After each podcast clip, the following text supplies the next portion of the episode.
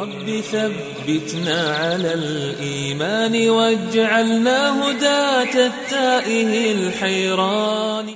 أعوذ بالله من الشيطان الرجيم. بسم الله الرحمن الرحيم.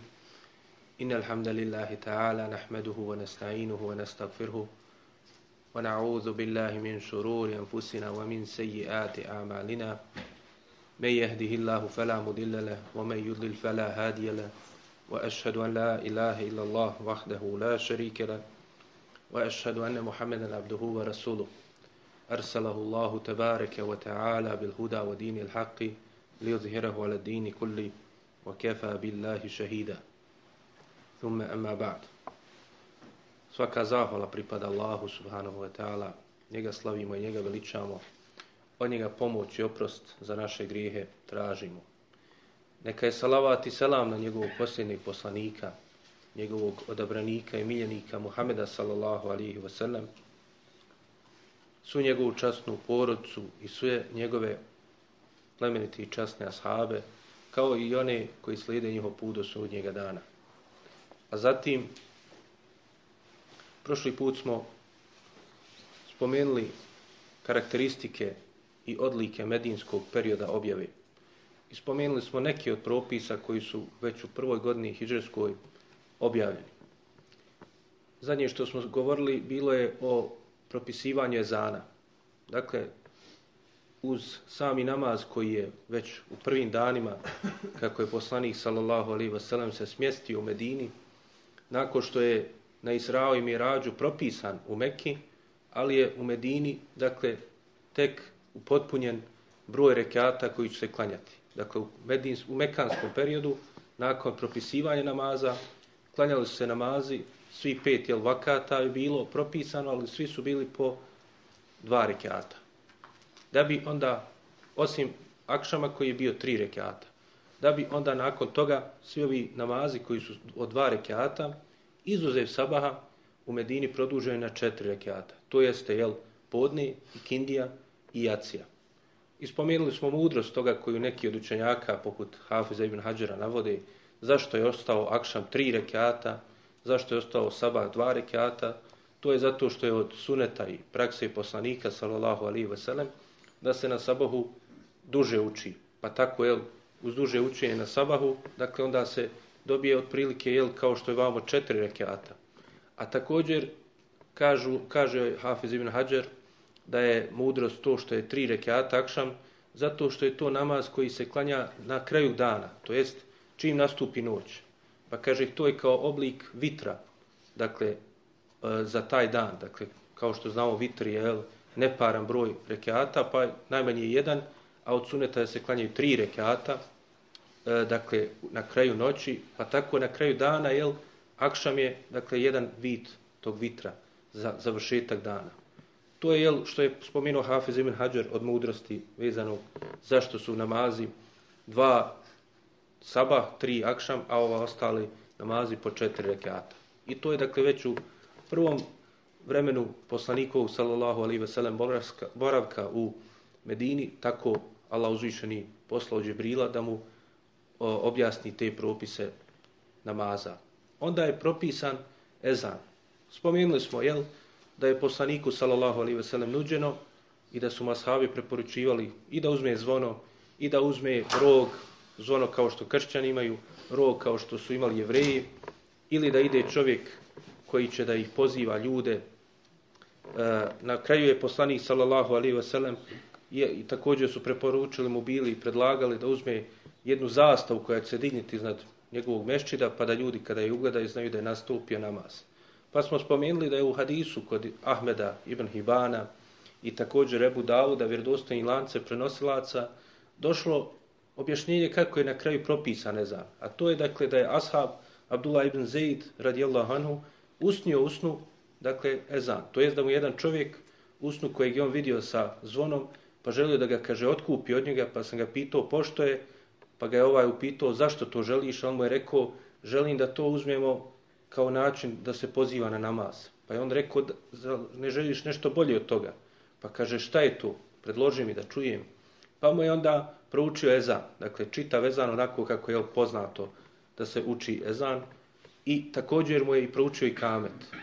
i to također jel, u skraćenom obliku. To jeste da se kaže samo Allahu Ekber, Allahu Ekber i onda šehadeti po jednom po jedan put, dakle, ešhedun en la ilaha illallah, ešhedun en Muhammed Rasulullah i također hajale sala jednom, hajale fala jednom, uz dodatak kad kameti sala, kad kameti sala, to jest da se uspostavlja namaz i na kraju opet Allahu Ekber, Allahu Ekber, la ilaha illallah. Dakle, to je i kamet koji je došao i to je najvjerodostojniji način i kameta, ali poznato je da ima neki predaja koji, za koji se neki od mezheba i, nek, i zbog toga jel, prakse se razlikuju u različitim sredinama u muslimanskom svijetu, dakle zbog toga što neki su uzeli da ezan uče i kamet na isti način.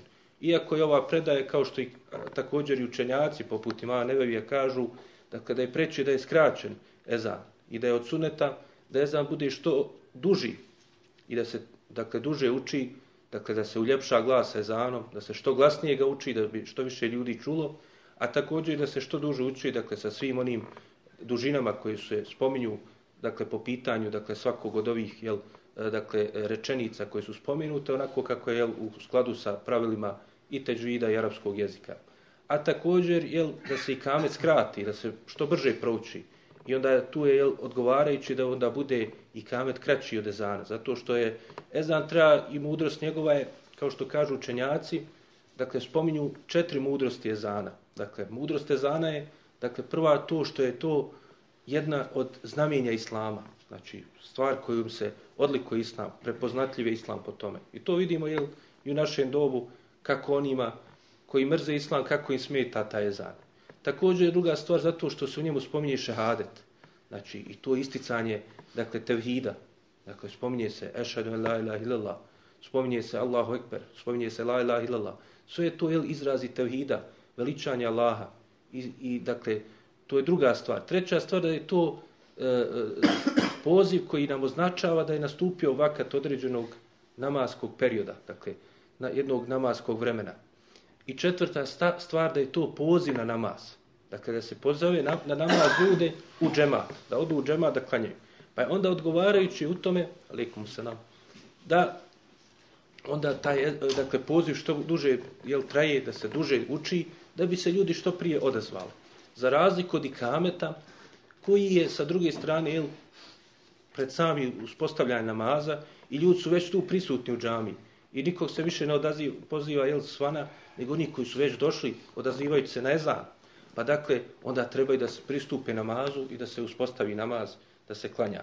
Dakle, e, to su jel, neke od mudrosti ovog ezana. Također treba spomenuti uz ono što smo rekli da je poslanik sallallahu alejhi ve sellem imao dvojicu poznati muezina svojih, dakle a to su bili Bilal i Abdullah ibn Umi Mektum, onaj slijepi ashab također jedan od prvih koji su učinili hijđru, dakle Bilal i Abdullah su se mijenjali učenje zana.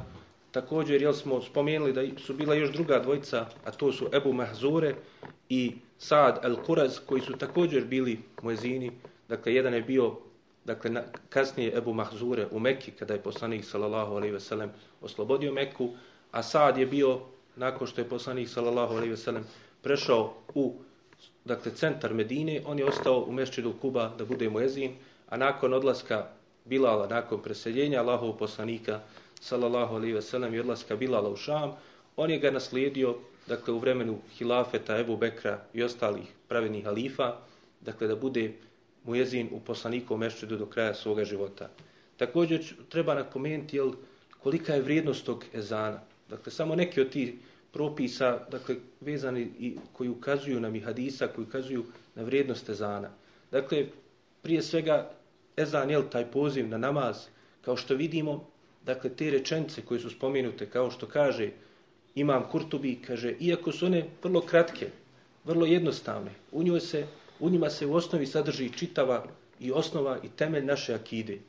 Zato što, kaže Imam Kurtovi pojašnjavajući to dalje, kaže, pogledajte, počinje sa Allahu Ekber. Jel, to je, kaže, i kroz te riječi kada čovjek izgovara i onaj koji to ponavlja, kao što je suneta da se i ponavljaju, time potvrđuje i, i dakle, svjedoči da postoji Allah. Dakle, potvrđuje Allahov postojanje. Ali ne samo to, nego svjedoči i potvrđuje i pritvrđuje da je Allah uzvišeni posjedio najuzvišenija svojstva i da je on savršen, potpun, zato što je on Allahu Ekber, Allah je najveći. Najveći u svome, dakle, i svome biću i svojim svojstvima. I u njegovoj moći i snazi. I on je taj koji svime upravlja. I tako dalje. Sve ostala značenja koja se vraćaju na ovu jednostavni ovaj zikr Allahu Ekber. Nakon toga kaže dolaze ša, dva šehadeta. Prvo je potvrda da se samo Allah uzvišeni obožava i da mu se negira dakle, bilo kakav sudrug u njegovom ibadetu, ešhedu an la ilaha illallah, dakle da čovjek svjedoči dakle, da nema drugog Boga osim Allaha, dakle, koji se obožava sa pravom, a onda nakon toga svjedočenje da je Muhammed sallallahu alaihi ve sellem Boži poslanik, ešhedu ene Muhammedu Rasulullah, dakle to je drugi dio šehadeta i to je pritvrđivanje poslaniku sallallahu alejhi ve sellem da je on poslanik, ali također kaže znači da, da se onda on slijedi. A šta nam još dokaz za to ono što slijedi nakon toga? A to je dakle one rečence kad se kaže hajale sala, dođite na namaz. Dakle nakon spomena šehadeta Muhammedu Rasulullah dolazi spomen namaza. To je jedan od vidova ibadeta. Kaže ima Kurtubi, to je zato što mi ne možemo klanjati osim onako kako nam je poslo, poslanik sallallahu alejhi ve sellem pojasnio što ukazuje jel, da je neophodno da ga onda slijedimo. Dakle, da je to jel, značenje između ostalog šehadeta Muhammedu Rasulullah. I onda nakon toga se spominje hajal al fala, dođite na spas, dođite na dakle, e, uspjeh. To jeste, kaže u ovoj rečenci, dakle, to ukazuje na vjeru općenito, na sve njene propise, da je ona savršena, da je treba slijediti. A također nam ukazuje i dakle, da se trebamo i da pripremimo za naš povratak, to je za sudnji dan. Zato jer to će biti istinski spas. Onaj koji bude jel spašen od vatre, a uveden u dženet. I nakon toga, kaže, dolaze rečence koji potvrđuju prethodno. Dakle, dolazi ponovo Allahu ekber, Allahu ekber, la ilaha illallah.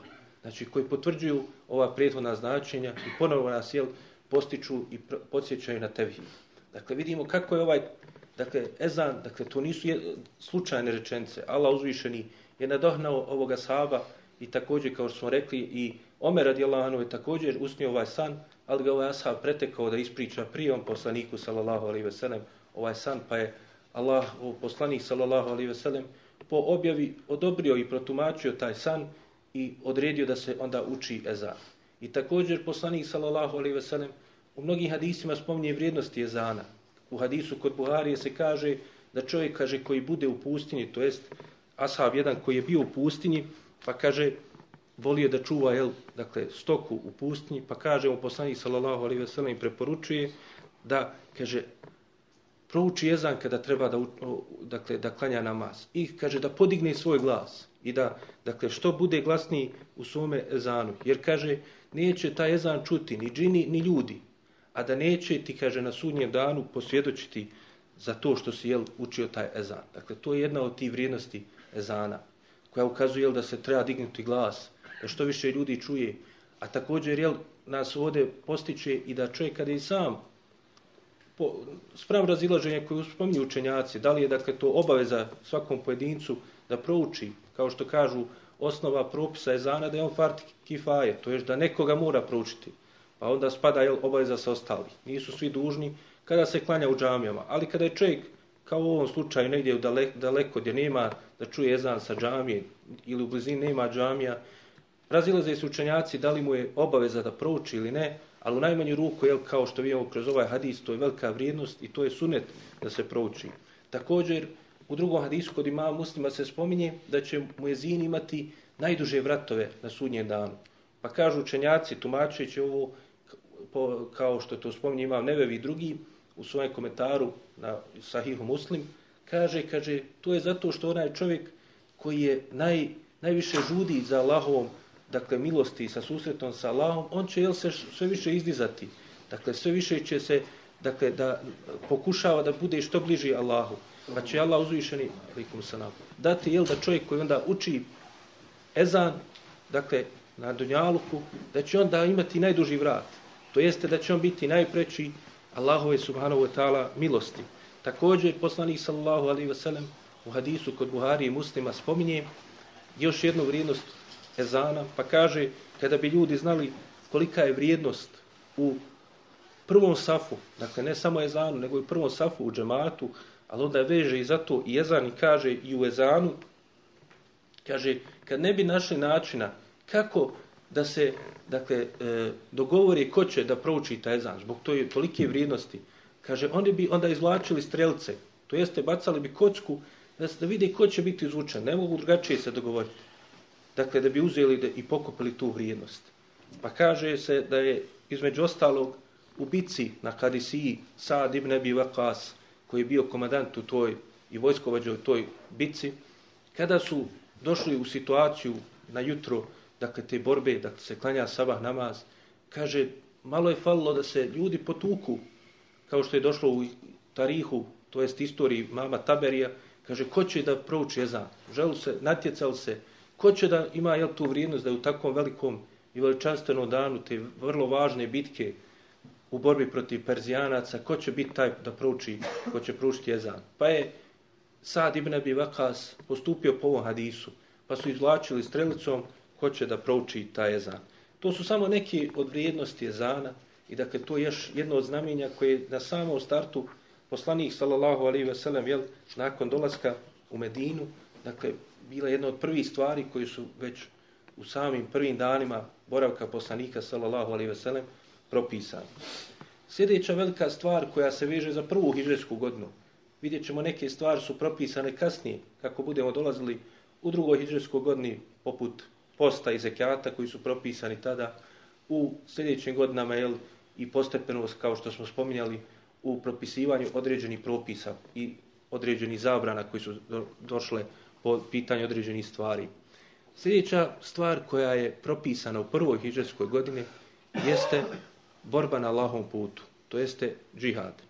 Dakle, džihad je propisan nakon što je poslanik sallallahu alejhi ve sellem došao u Medinu. To jeste 14. godine po poslanstvu poslanika, prve hidžetske, al 14. jel, gledajući ukupan period pozivanja poslanika sallallahu alejhi ve sellem, od ukupno 23 godine njegovog pozivanja, tek tada se propisuje borba na Allahovom putu. Spomenut ćemo govor imama Ibn Kajma po tom pitanju, koji je spomenuo na početku trećeg toma svoje poznate knjige Zadu Maad, koja, koliko znam, u najmanju ruku preveden je, dakle, sažetak te knjige kao knjiga koja je nazvana i prevedena kod nas kao obskrba za dan povratka.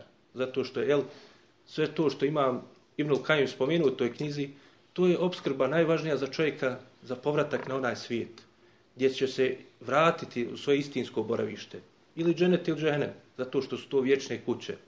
Pa i Imam Ibn Kajim napisao to svoje prelijepo djelo na putu za hađ. Dakle, krenuo je jedan vid povratka Allahu subhanahu wa ta'ala kroz odlazak na hađ, pa je na tom putu napisao to veličanstveno djelo od koji su se mnoge generacije, mnogi učenjaci okoristili. Pa i mi ćemo, jel, kroz samo spominjanje, dakle, sažetka tog govora, zato što bi bilo predugo da spominjamo sve što je spomenuo po pitanju borbe i spomenuti šta je rekao. Dakle, imam Ibn Kajim na početku te knjige, e, dakle trećeg toma, na šestoj, e, petoj i šestoj stranici spominje, dakle, poglavlje o, o borbi i bitkama Allahov poslanika, sallallahu alaihi ve sellem, njegove uputi po pitanju tih stvari. Pa kaže, u Mekije nije, dakle, bila propisana borba, osim, dakle, da se čovjek boli sa dokazom i sa pojašnjenjem jezikom, da poslanik, sallallahu alaihi ve sellem, se tako bori i njegovi ashabi, i to jeste, također i srcem da se bori protiv neprijatelja, to jeste nevjernika. I zato, kaže, u tom smislu je objavljeni ajet, kaže Allah uzvišeni, فَلَا تُتِيَ الْكَافِرِينَ وَجَاهِدْهُمْ وَجَاهِدْهُمْ جِهَادًا كَبِيرًا Kaže Allah uzvišeni, dakle, وَجَاهِدْهُمْ بِهِ جِهَادًا كَبِيرًا To jeste, kaže, Allah uzvišeni naziva to, kaže, velikim džihadom. Ali šta je bio taj veliki džihad poslanika, sallallahu alaihi ve sellem, u tom vremenu? bila je dakle ta borba time što je pojašnjavao, što je pozivao ljude. Dakle, džihad je puno šira kategorija nego što neki možda misle. Kao što ćemo vidjeti kroz ovaj govor imama Ibn Kajima. Pa dakle, to je bilo u prvom periodu. Također, kaže, što se tiče munafika, također je poslanik sallallahu alaihi ve sellem se u osnovi borio protiv njih sa dokazima. Zato kaže se i naređuje poslaniku sallallahu alaihi ve sellem Ja, ejuhan nabi, Džahidil kufara, kufare wal munafiqine wagluz alihim. Allah uzvišeni naređuje poslaniku, sallallahu alaihi ve sellem i kaže, o vjerovjesniće, bori se protiv eh, dakle, nevjenika i munafika i kaže, budi strog prema njima. Pa kaže, značenje toga jeste dakle, da se objašnjava njihove te dakle, postupke, da ih upozorava na ono pogrešno što rade. Kaže, ova vrsta je, kaže, najteža vrsta borbe. Dakle, zato što, i to možemo vidjeti u današnjem vremenu, kako je, jel, to, e, dakle, govori Ibnul Kajima, poklapa se čak i u našem vremenu. Zato što on dalje kaže, dakle, ovo je sve sažetak to njegovog govora, pa kaže dalje, kaže, zato što je to, kaže, bila zadaća vjerovjesnika i poslanika. I oni, kaže, koji su njihovi nasljednici. Teško se, jel, izboriti sa tim raznim sumnjama, raznom propagandom protiv islama, protiv istine.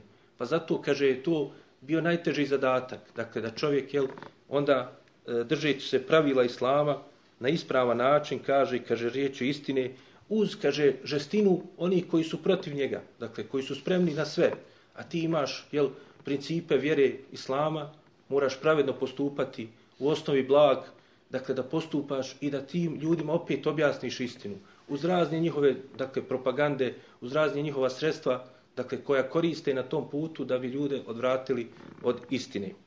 Dalje kaže, dalje kaže Ibn, uh, e, Ibn Kajim, kaže, što se tiče, kaže, borbe protiv neprijatelja, kaže, ta borba protiv neprijatelja je samo još jedan od vidova borbe protiv samog sebe. To jeste da je, kaže, borba protiv samog sebe, kaže Ibn Kajim, to je osnova.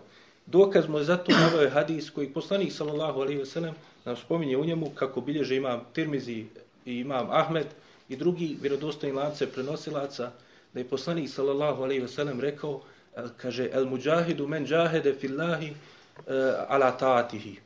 I u tom slučno, sličnom smislu se spominje još nekoliko verzija. To jeste suština te riječi, rečenice Allahov poslanika sallallahu alejhi ve sellem i tog hadisa je, je kaže da je onaj koji je jel E, kaže muđahid i onaj kaže koji bori se se kaže u jednoj došlo verziji kaže džahede nefsehu fillahi ala taatihi. Pa kaže to je kaže onaj koji se bori protiv sebe dakle radi Allaha da bi bio mu pokoran. Dakle to je osnova. Jedna od vrsti pokornosti onda je dakle da kada je potrebno da onda se jel ovaj odazove i pozivu borbe i protiv neprijatelja islama.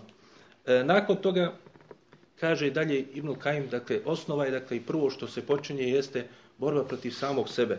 Pa onda to dalje pojašnjava i kaže, jer onaj, kaže, koji sam sebe ne savlada, svoje strasti, svoju potrebu za isticanjem, ako ima, jel, kod sebe sržbu jaku, ako, jel, želi da ljudima čini štetu ili da ljudima čini nepravdu i tome slično, onda, kaže, nije neće se moći na ispravan način boriti na Allahovom putu protiv neprijatelja. Pa kaže, Zbog toga je neophodno, jel, također, kada pogledamo te dvije vrste, dakle, borbu protiv svojih nefsa i svojih, dakle, strasti, i s druge strane borbu protiv neprijatelja, imamo tu jednu treću kategoriju, kaže, koja ulazi između te dvije. A to je, dakle, šeitan. Pa kaže, on se isprečava na jednom i na drugom putu. Pa je, kaže, neophodno, da bi jedno i drugo savladao, onda je neophodno se boriti protiv šeitana.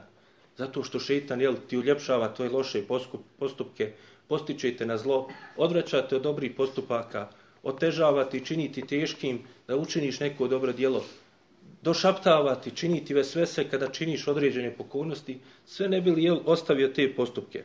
Pa kaže dalje, kaže sve to opet, kaže Ibnu Kajim, iz Allahove mudrosti. Dakle, Allah uzvišen je sve to dao. Dao je, dakle, i čovjeku u njemu te strasti.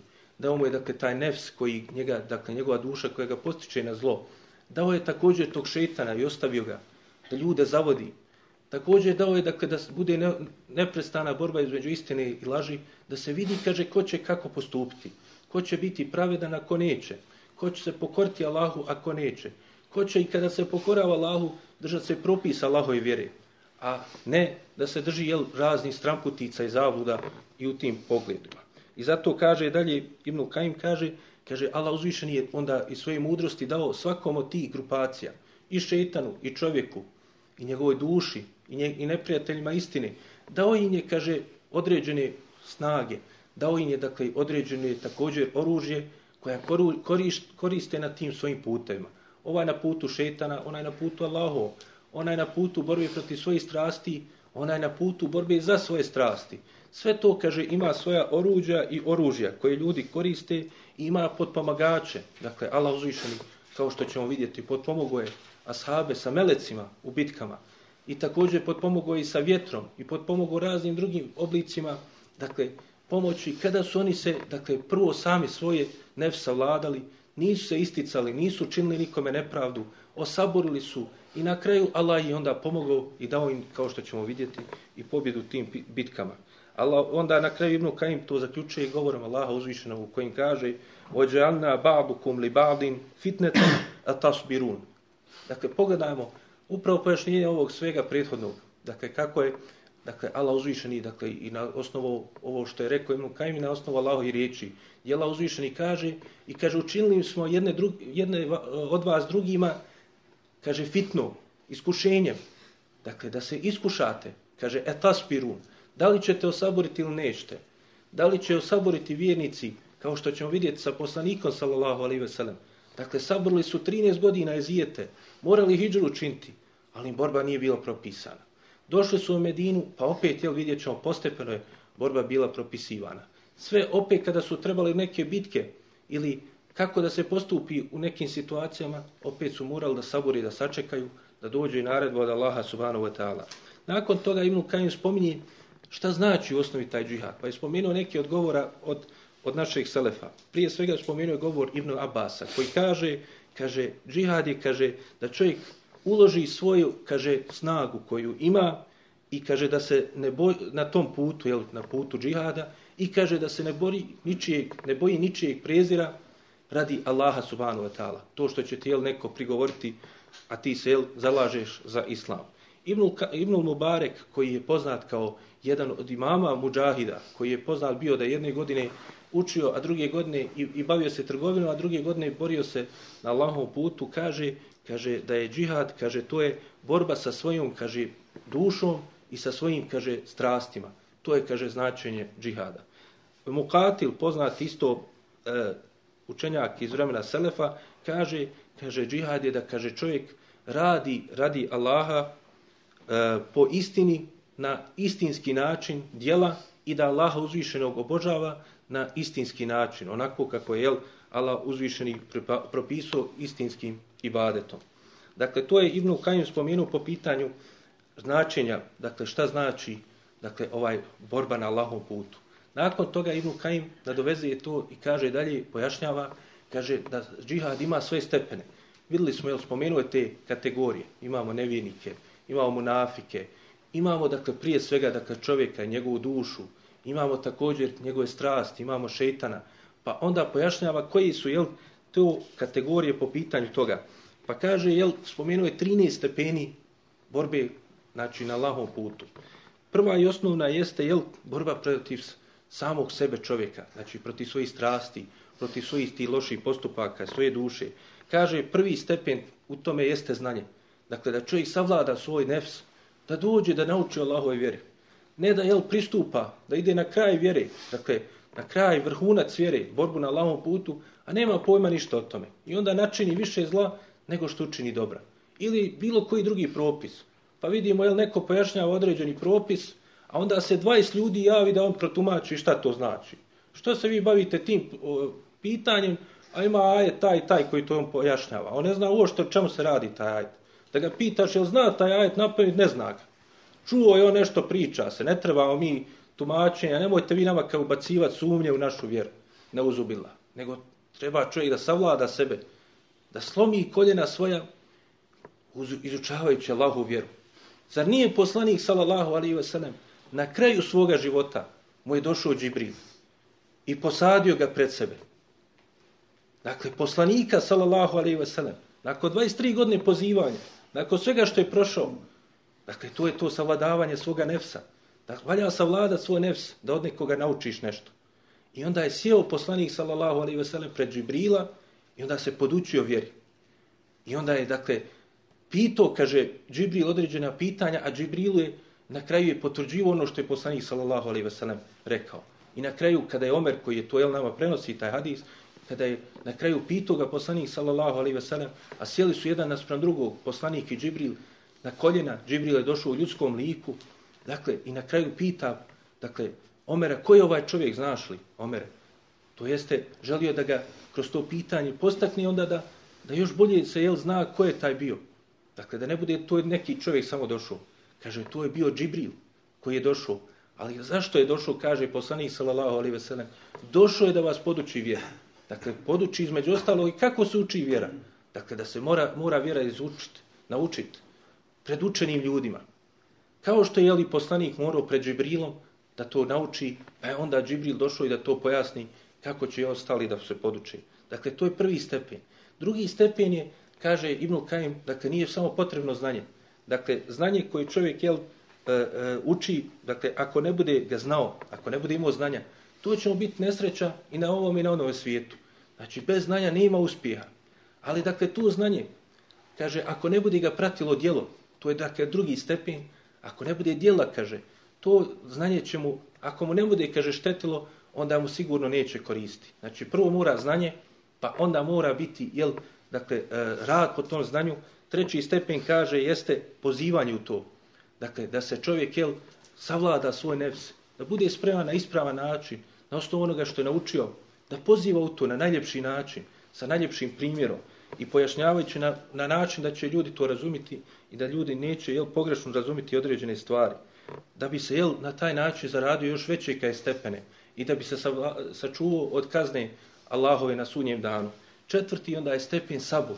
Dakle, sve ove ostali jel, stepeni također su trebali sabur, a također jel, posebno se onda ponovo ističe sabur, zato kaže što je taj put je težak, dakle da bi se izučilo, pa onda radilo po tome, pa onda pozivalo u to, posebno pozivanje, kao što vidi, vidimo iz života poslanika, sallallahu alaihi ve sellem, kolika iskušenja imao na tom putu.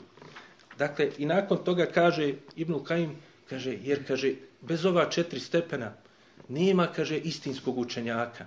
Nema, kaže, učenjaka koji je, kaže, rabani, koji odgaja ljude. Zato, kaže, jer ako ne bude imao ove stvari, on neće znati na ispravan način da poziva i da pojašnjava i objašnjava vjeru. A s druge strane, ako bude imao, on će biti spominut na najvećim stepenima u nebeskim dakle, prostranstvima poznat po svome dobru.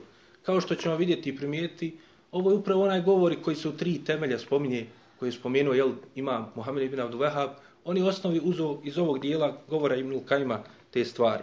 Sljedeća jel, stepeni su dva stepena borbe protiv šetana. Pa kaže, e, ima Ibn Kajim, kaže, prvi stepen je da se bori čovjek protiv šu, šubhi, to jeste sumnji koje šetan mu ubaci u njegov iman, u njegov vjerovanje.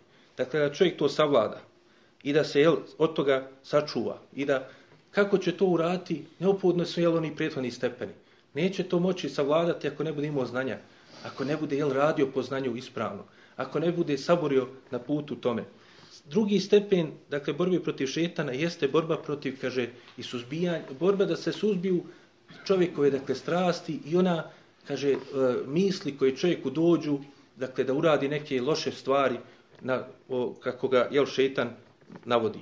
U tom smislu, Ibnu Kajim je onda spomenuo ajet, kaže, koji to i pojašnjava, pa kaže, dakle, prvi stepen, to je stepen borbe protiv Šubhi se, kaže, otklanja od sebe tako što će čovjek ostvariti jekin. A za jekin, jel, ubjeđenje neophodno je da čovjek ima ispravno znanje na ispravan način stečeno. A kaže, druga stvar, borbu protiv, jel, ti svoji šehvi, protiv tvoj, svojih strasti, onih, dakle, došaptavanja šetani, šetanovi neophodan je sabor. I kaže, to je ono što Allah uzvišeni i pojašnjava nam u Kur'anu i kad kaže ođalna minhum e imeten jehdune bi emrina lemma sabaru kanu bi ajatina yuqinun. Kaže Allah uzvišeni i onda smo, kaže, od njih učinili e ime, predvodnike, kaže, koji su drugi pozivali po naredbi njihovog gospodara i kaže, našoj, po našoj naredbi, nakon što su, jel, i za ono što su osaborili, dakle, na tom putu odgoja i preodgoja ako su bili na lošem odgoju, pa se preodgojili na ispravan način i onda kada su sve to osaborili onda pozivaju. I kaže također zato što su oni, kaže, vakjanu bi ajatina yukinu. I zato što su oni bili, kaže, ubijeđeni u naše ajete. To jest nisu bacivali razne sumnje, nisu krenuli putevima raznih zabluda, nisu uzimali mimo učenjaka koji su opće prihvaćani kao učenjaci, nisu od, sami od sebe žel želi da nauče vjeru mimo toga kako su učili naši prethodnici od poslanika sallallahu alejhi ve sellem koji podučuje sahabe pa oni nam jel sve dalje prenijeli tu vjeru kroz generacije. Što se tiče borbe protiv e, nevjernika i munafika, on kaže Ibnul Kajim, kaže, ima četiri stepena. Dakle, to je borba sa svojim srcem, sa svojim jezikom, sa svojim metkom i sa svojim tijelom. Pa kaže, što se tiče nevjernika, najposebniji, najspecifičniji oblik u borbi protiv njih je, jeste sa rukom, to jest sa svojim e, tijelom. A što se tiče munafika, najspecifičniji, e, pos, najposebniji oblik jeste onaj koji je, bude sa jezikom. Dakle, u osnovi sa munaficima se bori jel, kroz raspravu, kroz otklanjanje njihovih sumnji koje oni na, naveću. Također, nakon toga je spomenuo, a kaže, što se tiče borbe protiv predvodnika nepravdi, predvodnika zabluda i loših postupaka, kaže, protiv njih, kaže se, imaju tri stepena borbe. To jeste, prvi je sa rukom, ako je čovjek u mogućnosti, ako se ispunili uvjeti. Drugi je, kaže, sa jezikom, ako je čovjek u mogućnosti, ako su opet se ispunili uvjeti. I treći, najmanji, koji, bez kojih se ne može, jeste sa svojim dakle, e, e, srcem da čovjek to odbaci i ne prihvati to u što oni pozivaju. I to je, kaže, značenje onoga, kaže, što Allaho poslanik, sallallahu alaihi ve sellem, kroz ove sve stepene spominute, što je poslanik, sallallahu alaihi ve sellem, rekao u hadisu kod imama muslima, kako se bilježi u njegovom sahihu, onaj, kaže, koji umre, a ne bude se borio, kaže, i kaže ne bude svoju dušu posticao na borbu, kaže umrijeće sa jednim od oblika nifaka, jednim od ogranaka nifaka. Dakle, nakon toga Ibn Kajim također spominje i zaključuje ovaj govor kad kaže, kaže, kaže da bi džihad bio ispravan, neophodno je, kaže, hijđra. A kaže da bi džihad i hijđra bili ispravni, kaže, neophodno je, dakle, da čovjek ima iman. Pa kaže, kao što je čovjek obavezna, kaže, ima svakom pona osob, da bude jel vjernik u Allaha, da vjeruje ono sa, sa čim je došao Allahov poslanik, što je poslano u Kur'anu, također je obavezno da učini hijđru. Pa onda pojašnjava šta znači ta hijđra. Koje je to značenje hijđre? Spominjali smo, jel, kad smo govorili o hijđri, da ona ima više značenja. Pa Ibn Kajim pojašnjava, kaže, to je hijđra prije svega Allahu subhanahu wa ta'ala. Kako, kaže? Hijđra tako što ćeš Allahu se vratiti kroz činjenje, dakle, onoga što je propisano od ibadeta. Prije svega oni srčani, dakle sa iskrenošću, sa strahom od Allaha, kaže, sa ljubavi prema Allahu uzvišenom, sa nadom od Allaha, oslanjanjem na Allaha subhanahu wa ta'ala, sa teobom pokajanjem Allahu subhanahu wa ta'ala i također sa dakle, e, nadanjem i vraćanjem Allahu uzvišenom kroz sve ostale jel, pokornosti koje iz toga proističu. A kaže poslaniku sallallahu alaihi wa sallam, jeste to što ćeš kroz tri stvari mu se vratiti. To jeste tako što ćeš ga prije svega slijediti, tako što ćeš se pokoriti njegovim naredbama, a treća stvar jeste tako što ćeš vjerovati u ono što je on obavijestio nas. Opet, jel vidimo i ovaj dio ovdje koji se spominje u tri temelja, jel, da je odavde također uzet. Pa onda je se nadovezao šta je jel, propis tog džihada. Kakav je on, znači sve od ovih stepena, šta je na nas nužno i obavezno na svakom od nas, a šta nije. Pa kaže Ibnu Kajim, kaže što se tiče borbe protiv šeitana i protiv samog svoga nefsa, to je fardajn, to je obaveza svakog od nas, svakog ponosob, da se bori sa svojim strastima i da se bori sa šetanom. A što se tiče sa e, borbe protiv munafika i nevijenika, to je, kaže, fard kifaja. To jeste, ako određena skupina to ispuni, tu obavezu, kada se ispune uvjeti za to, kao što ćemo vidjeti, onda jel, spada obaveza sa ostalim. Ovo sve je onda potvrdio sa riječima poslanika, sallallahu alaihi ve sellem, gdje poslanik, sallallahu alaihi ve sellem, kaže, jel, El muhađiru men hađire ma neha Allahu anhu. Dakle, ovo što se tiče hijđre. Dakle, Allahu poslanik u onom prihodnom hadisu, nastavak tog hadisa kod ima Tirmizije i drugi jeste da je, kaže, muhađir oni, onaj koji napusti ono što je Allah uzvišeni, dakle, zabranio. Dakle, to je obaveza hijđre za svakog vjernika. A kako će to stvariti? Kroz hijđru Allahu i njegov poslaniku. A također Allah uzvišeni pojašnjava ovo sve što je rekao Ibn Kajim, i potvrđuje jel, dakle, da je to uzeo iz Allahove riječi kada Allah uzvišeni kaže inna ladhine amenu wa ladhine hađaru wa džahedu fi sabili Allahi ulajke jerđune rahmet Allahi wallahu gafurun rahim. Kaže oni koji vjeruju dakle to je vidimo jel, ono što je rekao da je neophodno da čovjek da bi se borio na lavom putu da bi učinio hijđru neophodan ima. Pa kaže i oni kaže koji čine hijđru i kaže koji se bore na lavom putu. Oni se, kaže, nadaju Allahove milosti, a Allah je onaj, kaže, koji puno prašta i koji je milosti. Nakon toga, sljedeće pitanje koje se nameće iz ovoga, a opet ćemo vidjeti kroz govor e, imava Ibn Kajma, jeste kako je propisana borba. Dakle, videli smo u mekanskom periodu da borba dakle, nije bila popisana. Dakle, bilo je samo dakle, govorom i sa srcem borba. Nakon toga je propisana borba, dakle, time što je Allah uzvišen i objavio, ajet u kojem kaže Udine lilladine yukatilune bi ennehum zulimu, wa inna Allahe ala nasrihim qadir, le qadir. Alladine uhriđu min dijarihim bi gajri haq. Allah uzvišeni spominje, dakle, u tom ajetu, i kaže u ajetu, kaže, koji je objavljen suri Hadž, kao što kaže Hafiz ibn Kathir, dakle, ovaj ajet je objavljen u suri Hadž, koja je, iako je sura Mekije, znači objavljena u Mekiji, ali, dakle, neki od ajeta, kao što je poznato to u nauci tefsira, dakle, da neki ajeti u nekim surama koji su mekanski ili medinski, možu, mogu biti objavljeni, ako je sura mekanska većinski, da je neki od ajeta su objavljeni u Medini. Pa ovaj ajet objavljen u osnovi u Medini. Dakle, iako je sama sura dakle, mekanska. I to je također potvrdio Ibn Kajim i dokazao sam raznim dakle, oblicima dokazivanja. Dakle, između ostalo šest dokaza je spomenuo za to. Također, kao što vidimo, kaže Ibn Ketir iz ovoga ajeta, dakle, da je poslaniku, sallallahu alaihi ve sellem, u početku, dakle, prevoz značenja ovoga ajeta jeste, kaže, dozvoljeno je onima koji se bore, e, da se bore zato što je, kaže, učinja i nepravda. A Allah je, kaže, doista kada da im pomogne. Onima, kaže, koji su istjerani iz svojih kuća bespravno. Također, Allah uzvišen i dalje u tom ajetu kaže, dakle, eladina uhriđu min dijarihim bi gajri haq, illa en je kulu rabun Allah. Zašto su oni istjerani nepravedno? Šta je bio povod? Samo zato što su govorili, naš gospodar je Allah. Zato su, jel, kao što smo videli, protjerani muhađiri iz Mekke.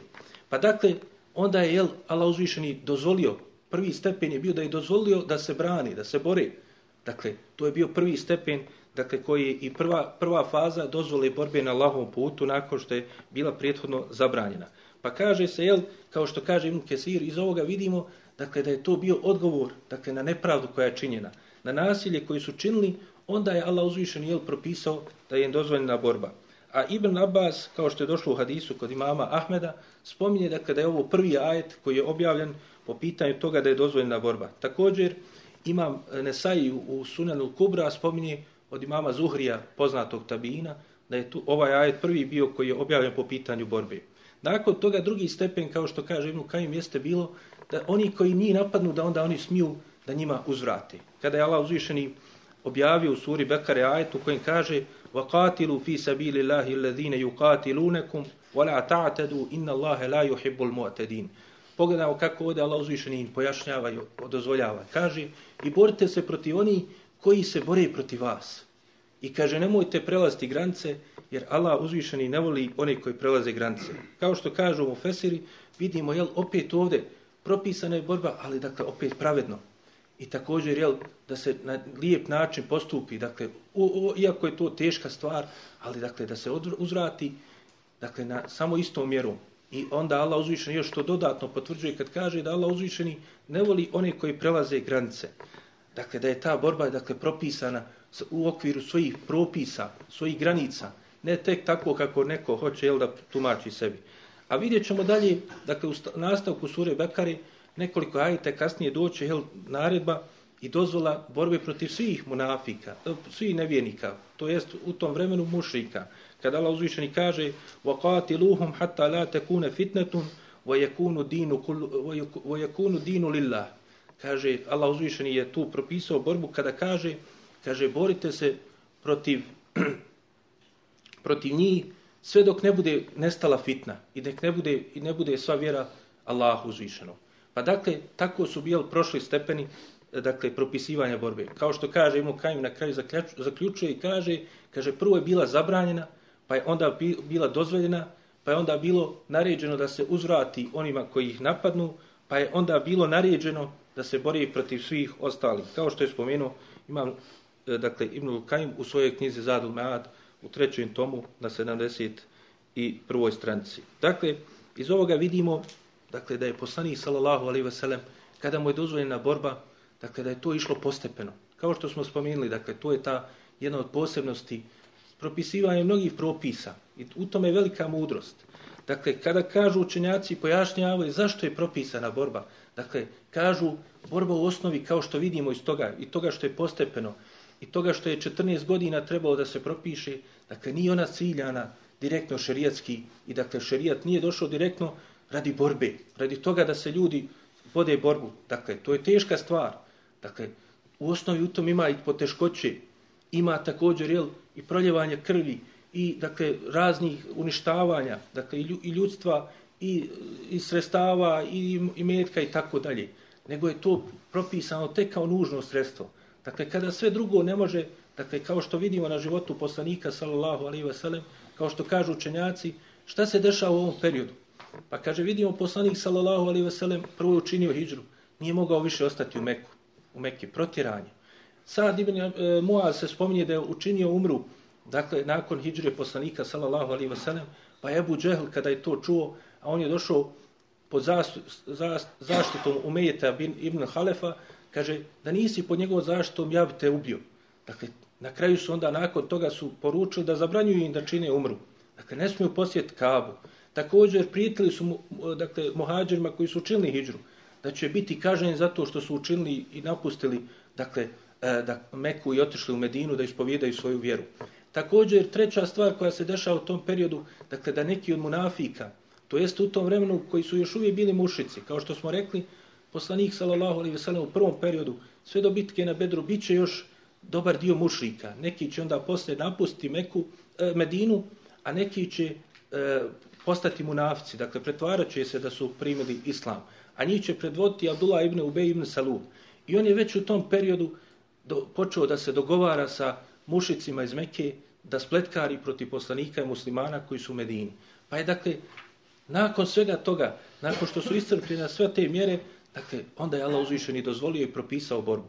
Između ostalog, u tom kontekstu se spominje u tim prvom vremenu poslanikovog boravka u Medini, spominje se jedan lijepo kazivanje, kaže da je u hadisu, kako bilježi ima Buharija i Muslim, da je poslanik, sallallahu alaihi ve sellem, u tom vremenu, dakle, u tim prvim danima, bojio se za sebe. Pa Aisha radijallahu anha prenosi, kaže, kaže, kada bi neki od ashaba mojih došao da me zaštiti u noći, dakle, da ne bi jel neko od tih mušika koji su još bili prisutni ili eventualno da ne dođe neko od mušika iz Mekke pa da jel ne učini nešto nažal Allahom poslaniku sallallahu alaihi wasallam. pa kaže se kaže dok su oni tako pričali dalje spomni Ajša i priča kaže čuli smo kada je zveke to oružja i kaže upitali smo ko je to kaže rekao je kaže ja sam Sad ibn Sad ibn Abi Waqas. Sad ibn Abi Waqas, dakle došao je poslaniku sallallahu alaihi wasallam sa svojim oružjem. Pa je upitao ga poslanik sallallahu alaihi wa sallam. Kaže, zašto si došao? Šta te dovelo u osade? Kaže, bio sam kod svoje kuće, boravio i noć je nastupila i sjetio sam se tebe, Allaho poslaniće, sallallahu alaihi wa sallam. Pa kaže, pobojio sam se i kaže, probudio se osjećaj u meni, možda bi trebao da odem da te zaštitim, da te neće neko nešto nažal učiniti. Pa kaže, proučio je dovu za njega, Allaho poslanik, i on je ostao tu noć da čuva, poslanika sallallahu alaihi wasallam. Kažu e, mufesiri, ovo je bilo, kaže, prije nego što je objavljen ajet u kojem Allah uzvišeni kaže Wallahu ja'simuke minan nas. Allah će te čuvati od ljudi. Poslije toga, jel, asabi, nakon objave toga ajeta, ubrzo nakon toga, su prestali da čuvaju poslanika i stražare i pred njegovu kuću. Ali vidimo, jel, koliko su vodili brige o poslaniku, sallallahu alaihi veselem, njegovi ashabi, posebno Sad ibn Abi Vakas, kojeg ćemo vidjeti na još mnogim mjestima, kako se istako u odbrani i Allahovog poslanika i borbi za islam općenito da ga Allah nagradi za sve što je uradio za islam radi Allah anhu. On je jedan od onih jel, deset kojim je obećan dženet e, i koji su jel, posebno imaju mjesto kod, kod nas. Dakle e, kao što kažu učenjaci ako pogledamo koji su bili ciljevi te borbe koja je propisana kažu prvo je bila borba za istinu. Dakle borba za istinu ne dakle za prodjevanje krvi, ubijanje ljudi, uništavanje nevijenika, nego da bi istina došla do njih. Dakle, nešto što je najprirodnije u čovjeku jeste potreba da se brani. Dakle, to je prirodno svojstvo kod svih ljudi, uređeno, uređen instinkt. Hajvani ili životinje, od onih najbezlazlenijih kada se istjeraš u kut, one će se braniti. Tako i čovjek. Druga stvar koja je još važnija kod ljudi jeste borba za slobodu. Slobodu da bude slobodan a posebno za muslimana da bude slobodan da ispovida svoju vjeru. I tu, jel, također mi znamo na našim područjima, jel, koliko je to vrijedno i važno i koliko to treba cijeniti i ne zaboraviti, jel, da je doista neko ovdje krv lio da bi, bi ja i ti bio musliman. Dakle, ovdje su naši očevi, djedovi, mnogi su, jel, žrtvovali se u osnovi zbog čega? zato što su neki htjeli upravo to da nas ne bude. Znamo jel i šta su učinili na tom putu i koliko nisu uspjeli, ne zato što nisu htjeli, nego zato što je Allah uzvišen ispriječio i ti koji su stali na tom putu da to spriječe. Dakle, prvo, jel, kao što pogledamo, koliko su uništili samo džamija, koliko su, jel, htjeli da zatru svaki trag islama. Čak su rušili tu, turbeta. Sve što je islamsko, što se pripisuje islamu, oni su rušili. A koliko su, jel, ciljali i radili da ubiju što više muslimana. Dakle, dakle, prvi i osnovni cilj jeste da se sačuva ta sloboda. Dakle, to je ono za čemu žude svi ljudi. I to vidimo jel, i na situaciji mnogih muslimana u današnjem vremenu, u kakvoj se situaciji nalaze. Druga stvar jeste pravednost, da se uspostavi pravda. Pa vidimo poslanik sallallahu alaihi ve sellem iz prethodno spomenutih događaja koji su prethodili ovim, dakle da je poslanik sallallahu alaihi ve sellem uredio društvo. Dakle, da je uredio društvo i da je dao prava svakome, pa čak jel i tim munaficima nije i dirao, iako je znao da su munafici. I ovi jevreji, dakle, nije i dirao sve dok su poštovali dogovor. Dakle, svakome se pravedno postupalo. Imali su slobodu i svoje vjere, i svojih imetaka, i ču, sačuvani su i bili zaštićeni i njihovi životi, i njihovi imeti, imeci, i njihove porodce. I također, ova borba u osnovi u islamu je prora, propisana radi milosti. I zato poslanik, sallallahu alaihi wasallam, kao što je došlo u hadisu kod ima muslima i drugi učenja, e, drugi, dakle, drugim zbirkama hadisa, kaže poslanik sallallahu alejhi ve sellem kao oporuku svojim vojskovođama spominje dakle da se ne ubijaju ni starci ni djeca ni dakle e, e, sveštenici ni dakle žene da se čak ne uništavaju ni drveća dakle da se ne uništava imovina ni stoka dakle da se ne ubija bespotrebno nije tad bilo nikakvih ni ženevskih konvencija ni ti drugi stvari a gledamo kako je poslanik sallallahu alejhi ve sellem dakle upravo ovo kao što smo rekli da je to predstavljalo nužno sredstvo. Ne dakle cilj islama da samo jel se borba vrši ili kao što kažu dakle da se islam širio sa silom i sa nepravdom i sa nasiljem. Dakle u osnovi borba u islamu je propisana protiv nasilja. Također vidimo jel kao što smo rekli i spominjali kada Allah uzvišeni propisuje kaže inna Allaha ya'muru bil adli wal ihsani wal ita'i dhil qurba wa yanha 'anil fahsha'i wal munkar wal baghi. Allah uzvišen, jel, kada propisuje kaže, nakon što je spomenuto, kao što smo rekli u prethodnom ajetu, da je u Kur'anu došlo tibjane kulli shay, pojašnjenje za svaku stvar, onda nakon toga ajeta kaže i, i nakon što je rekao da je Kur'an u osnovi objava koja je došla poslaniku sallallahu alejhi ve sellem i huda i rahme i bušra lil muslimin da je dakle i uputa i milo i, i milost i kaže radosna vijest za vjernike za muslimane kaže nakon toga doista Allah uzvišeni u svemu tome što naređuje, naređuje na pravednost, na dobročinstvo, na davanje svojim bližnjima, a zabranjuje, zabranjuje razvrat, sve oblike razvrata, munkera, svih loših postupaka i još posebno ističe, iako je jednom riječju mogao reći, kada kaže munker je to sve obuhvata, sve loše postupke, ali ističe, kaže i bagi, nepravdu, nasilje, bespravno da se bilo kome čini nasilje bez obzira ko on bio, musliman ili nemusliman. Dakle, Allahu poslanik sallallahu alejhi ve sellem jel kao što vidimo tek 14. godine nakon što su osnova islama i muhadžira i ansarija primili islam time što je samo poslanik sallallahu alejhi ve sellem pozivao trpio na tom putu razna razne nepravde a nikome ništa nije odgovorio na tom putu sa bilo kojim dakle lošim postupkom a da ne govorimo nekim nasiljem dakle većina i osnova, dakle i najveći broj je primio prije tog perioda. A tek onda se, jel, kada se počelo da pravi prepreke, kada se počelo, dakle, da čini nepravde, kada su, jel, pripremili se da napadnu poslanika, sallallahu alaihi wa sallam, iako je učinio i hijđru i napustio Medinu, propisuje se borba na Allahovom putu. I zbog toga kažu dalje učenjaci da je poslanik, sallallahu alejhi ve sellem u tom prvom periodu, kada pogledamo kako je nastupao, kaže, dakle, suprostavio se dakle, tim mušičkim napadima kada mu je dozvoljena borba, s jedne strane što je pravio dogovore sa onima koji su bili plemena okolo Medine. Zbog čega? Zato što su jel, mušici Mekke u tom momentu bili sila. A Medina se nalazila na važnom putu, važnoj saobraćajnici između Mekke i Šama, odakle se jel, dolazila mnoge trgove, trgovinske karavane. Kao što ćemo vidjeti važnost toga i u prvoj bici, velikoj bici na Bedru. Pa kaže se, Poslanik sallallahu alejhi ve sellem je pravio dogovore sa tim okolnim plemenima, iako su nisu bili na islamu. da bi, jel, dogovorili se da čuvaju jedni drugi, da se, dakle, da ne dođu mušici iz Mekke i učili nepravdu bilo kome od njih.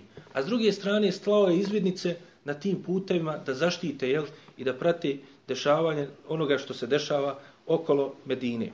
E, naravno, na kraju toga svega reč, treba reći jel, i napomenuti i u sve ovo što je spomenuto. Dakle, ponovo se tu vidi ističe umjerenost i srednji put ehli suneta. Dakle, poznato je, posebno u našem vremenu vidimo to, imamo dvije krajnosti po pitanju te, tog džihada. Dakle, s jedne strane oni koji su pretjerali po tom pitanju, koji postupaju nepravedno, koji čine nasilje. Najviše nasilja vidjet ćemo upravo ti koji se pod parolom borbe na lavu putu čine muslimanima. Kao što je jel, nam to i poslanik sallallahu alaihi ve sellem ni nagovijestio. Jedina skupina na koju poslanik sallallahu alaihi ve sellem upozorio, a znamo i opovijestio nas je također da će biti 72 zabludjele skupine, samo jednu je po imence spomenuo. I došlo je sa mnoštvo hadisa koji govori o njoj, a to su bile Haridžije. Zato što je pretjerivanje i pogrešna interpretacija ovih propisa, a to je, kada pogledamo opet s druge strane, prisutno u mnogim propisima. Koliko je oni koji čine novotarija pravdaju se jel da čine dakle izlopotrebljavaju na taj način propise druge koji su propisane od islama. Dakle ali ovdje je puno opasnije zato što ovdje će onda doći u pitanje životi.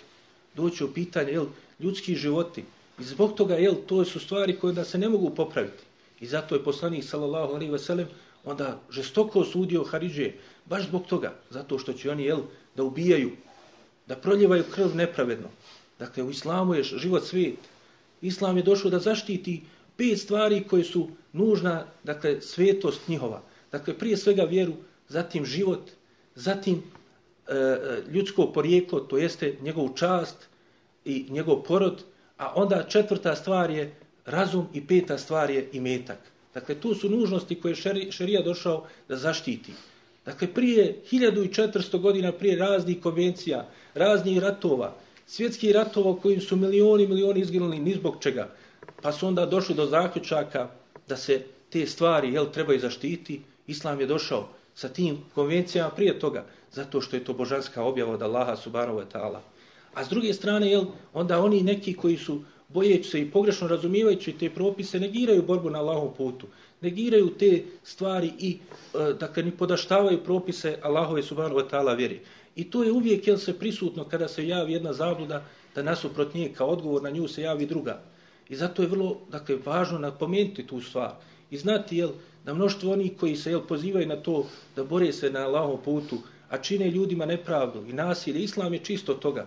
Kao što su jel, oni prvi koji su poveli borbu od tih Haridžija, nakon što je poslanik sallallahu alaihi ve sellem preselio, ubrzo nakon toga, što bi rekli, jel, nije još nestali nisu bili tragovi Allahov poslanika sallallahu alaihi ve sellem ti su došli sa vojskom u Medinu da ubiju Osmana radijallahu anhu. Pa su onda nakon toga ubili Aliju radijallahu anhu. Pa su nakon toga ubili mnoge druge još ashabe. Pa učinili toliko nepravdi pa proglasili sve ljude od muslimana nevjernicima i tako dalje kao što je poznato jel iz te prve fitne koja se javila a upravo su takvi to prouzrokovali dakle to što neko zloupotrebljava propise ne znači da je problem u propisima, nego znači da je to, dakle, opet iskušenje Allahova. Allahova mudrost je što ima te skupina. Da ljudi vide kako će postupiti. Da li će, jel, nasjesti na te stvari? Da li će na ispravan način, dakle, da pristupe tim stvarima? Ne može se tek tako doći do vrhunca vjere. Dakle, ashabi sa poslanikom, sallallahu alaihi ve sellem, vidjet ćemo, govorit će, meta nasrullah, kad će Allahova pobjeda? Ubijeđeni su. Ali u Medini, nakon svega što su prošli u Meki, dolaze su govorili, kad će Allahova pobjeda, Allahov poslanić? Kaže, ali kaže, vi ste narod koji požuri, govorit će im Allahov poslanik, sallallahu alaihi veselem. Nećete nekada da osaborite, nećete nešto da pretrpite, jer ovaj dunjaluk je, dunjaluk, na njemu su iskušenja, ali tu treba u svakoj situaciji postupati na principima i pravilima vjere, a ne onako kako nama i našim strastima paše. I zbog toga, jel, Allah uzvišeni, prije nego što govori u jednom od ajeta o borbi, između ostalo kaže وَلَوْ رُدُّوهُ إِلَى الرَّسُولِ وَإِلَى أُولِي أَمْرِ مِنْهُمْ لَعَلِمَهُ الَّذِينَ يَسْتَنْبِتُونَهُ مِنْهُمْ وَلَوْلَا فَضْلُ اللَّهِ عَلَيْكُمْ وَرَحْمَتُهُ لَتَّبَعْتُمُ الشَّيْطَانَ إِلَّا قَلِيلًا Allah uzvišeni kaže u ajetu, kaže, a da su oni prije nego što su došli do svojih nekih zaključaka i postupaka, pa kaže, vratili tu stvar na poslanika, sallallahu alaihi wasallam, dakle, na vjeru, na njegovu praksu i na oni koji predvode. Dakle, pa oni bi im, kaže, ono o čemu oni razmatraju, kaže, oni bi im izvukli ispravne propise iz toga. A kaže, a da nije Allahove, kaže, milosti i Allahove dobrote, kaže, većina njih bi slijedili šeitana osim malo njih. I onda nakon toga Allah uzvičeni kaže, faqatilu fi sabilillah i borite se na Allahom putu. To jeste, to je kolektivna zadaća, dakle, ta odbrana jednog društva. Dakle, ovdje je društvo uspostavljeno, pa je potrebna bila zašta to društva. To je nešto što je prihvatljivo i opće prihvaćeno u svim društvima. Da treba društvo to da se zaštiti, da se sačuva njegova sigurnost, njegova sloboda. Ali onda oni koji to zloupotrebe i onda jel pod parolom, kao što su govorili Ali radi Allah Anu, dakle oni su imali isto parolu. I tu je Imam Ali rekao zlatne riječi kada je rekao, kada su oni govorili njemu inel hukmu illa lillah, kaže sud pripada Allahu, pa kaže, kaže Alija radi Allah Alija halifa, a oni njemu govori da je nevjernik. I da oni koji su s njim svi nevjernici, da ne sude po Allahovom zakonu. I da svi moraju učiniti hijđru kod njih, Pogledajmo te sličnosti sa nekim događajima u našem vremenu. Pa se odvojili u jedno mjesto i rekli svi moraju učiniti tu hijđru. Oni koji žive u Mekoj i Medini pa kaže razišli se. Jedni kažu oni koji su ostali od vijenika koji su na njihovom, a nisu učinili hijđru, pa se razišli. Jedni kažu oni su nevjernici, drugi kažu nisu nevjernici. Pa se onda došlo do cijepanja njihovi redova. Što bi rekli kao dioba čelija. Od dvije skupine nastale četiri, od četiri šestnest i tako dalje. Šta kaže Alija radijallahu kao odgovor njima? To su, kaže, riječi istine kojim se želi zabluda. Često su te parole koje su mimo onoga na čemu su bili učenjaci uvijek i kao što vidimo i oni su isti ti prvi govorili ali da je on kukavica. Govorili su i ashabima kada je došao Ibn Abbas da se raspravlja s njima, kaže uf, kaže kakav je došao. Abdullah Ibn Abbas, Habrul Ume, najučeniji, kaže pogledaj kako je došao. Kaj. Obuko svoja fina odijela, što kažu danas, obukli svoja džubeta, stali, sjeli na svoje stolice i oni nama govori kakvi su propisi vjeri. Da, tak, tako je došao i Abdullah ibn Abbas. Isto je tako jednoj skupini. I onda na kraju, opet sa jednim jednostavnim pravilima i propisima koji je spomenuo i dokazima, uspio da vrati od tih šest hiljada četiri hiljade. Ali dvije hiljade je uvijek ostalo. I kao što po, kaže poslanik sallallahu alaihi ve sellem, kaže, uvijek će, kaže, u svakom vremenu će on izlaziti. Kaže, pa kaže, kada se jedan od njihovih karnova, a nazvo je karno, opet to nije slučajno, kako je došlo u hadisu ime Mađe, kaže, zato što su oni jel, kao, kao bikovi, dakle, ne, bez ikakvog razmišljanja nastupaju. I samo probijaju i uništavaju sve pred sobom. Pa kaže, kad god se kaje kutija, taj, kaže, karn, kaže, osjeće, kaže, izrašće novi, pojavit će se. Sve dok, kaže, zadnji od njih ne izađu sa deđalom. Zamislimo, je, prvi, prvi koji su krenuli, rekli su sa parolom, inel hukmu ila lila, sud pripada Allahu. Mi želimo tevhid, vi ste mušici, vi ste otpadnici od vjere, a zadnji od njih će izaći sa deđalom, sa personifikacijom neobožavanja Allaha subhanahu wa ta'ala. Dakle, to je ono što smo želi da pojasnimo i e, spomenemo po pitanju propisivanja borbe, a sljedeći put ćemo vidjeti koje su tačno jel, prve bitke koje su odvile još već u prvoj godini po Hidžri i također izvidnice. I vidjet ćemo samu razliku zašto se spominju često izvidnice, zašto se spominju to jeste e, Meboosat i Serijat, a s druge strane se spominju Gazavat. Koja je razlika između njih? Ali da ne bi dužili, to ćemo višava sljedeći put. Molim Allaha subhanahu wa ta'ala da nam poveća ljubav pre Allahu poslaniku. Molim ga subhanahu wa ta'ala da nas učini od njegovih istinskih sljedbenika. Molim ga subhanahu wa ta'ala svim njegovim lijepim imenima i uzvišnim svojstvima da pomogne muslimane na svakom mjestu, da im olakša njihova iskušenja, da im područi njihove vjeri i da ih vrati na najljepši način njihove vjeri i da upauti nas i naš narod na put Islama. Amin. Subhanak Allahumma wa bihamdike.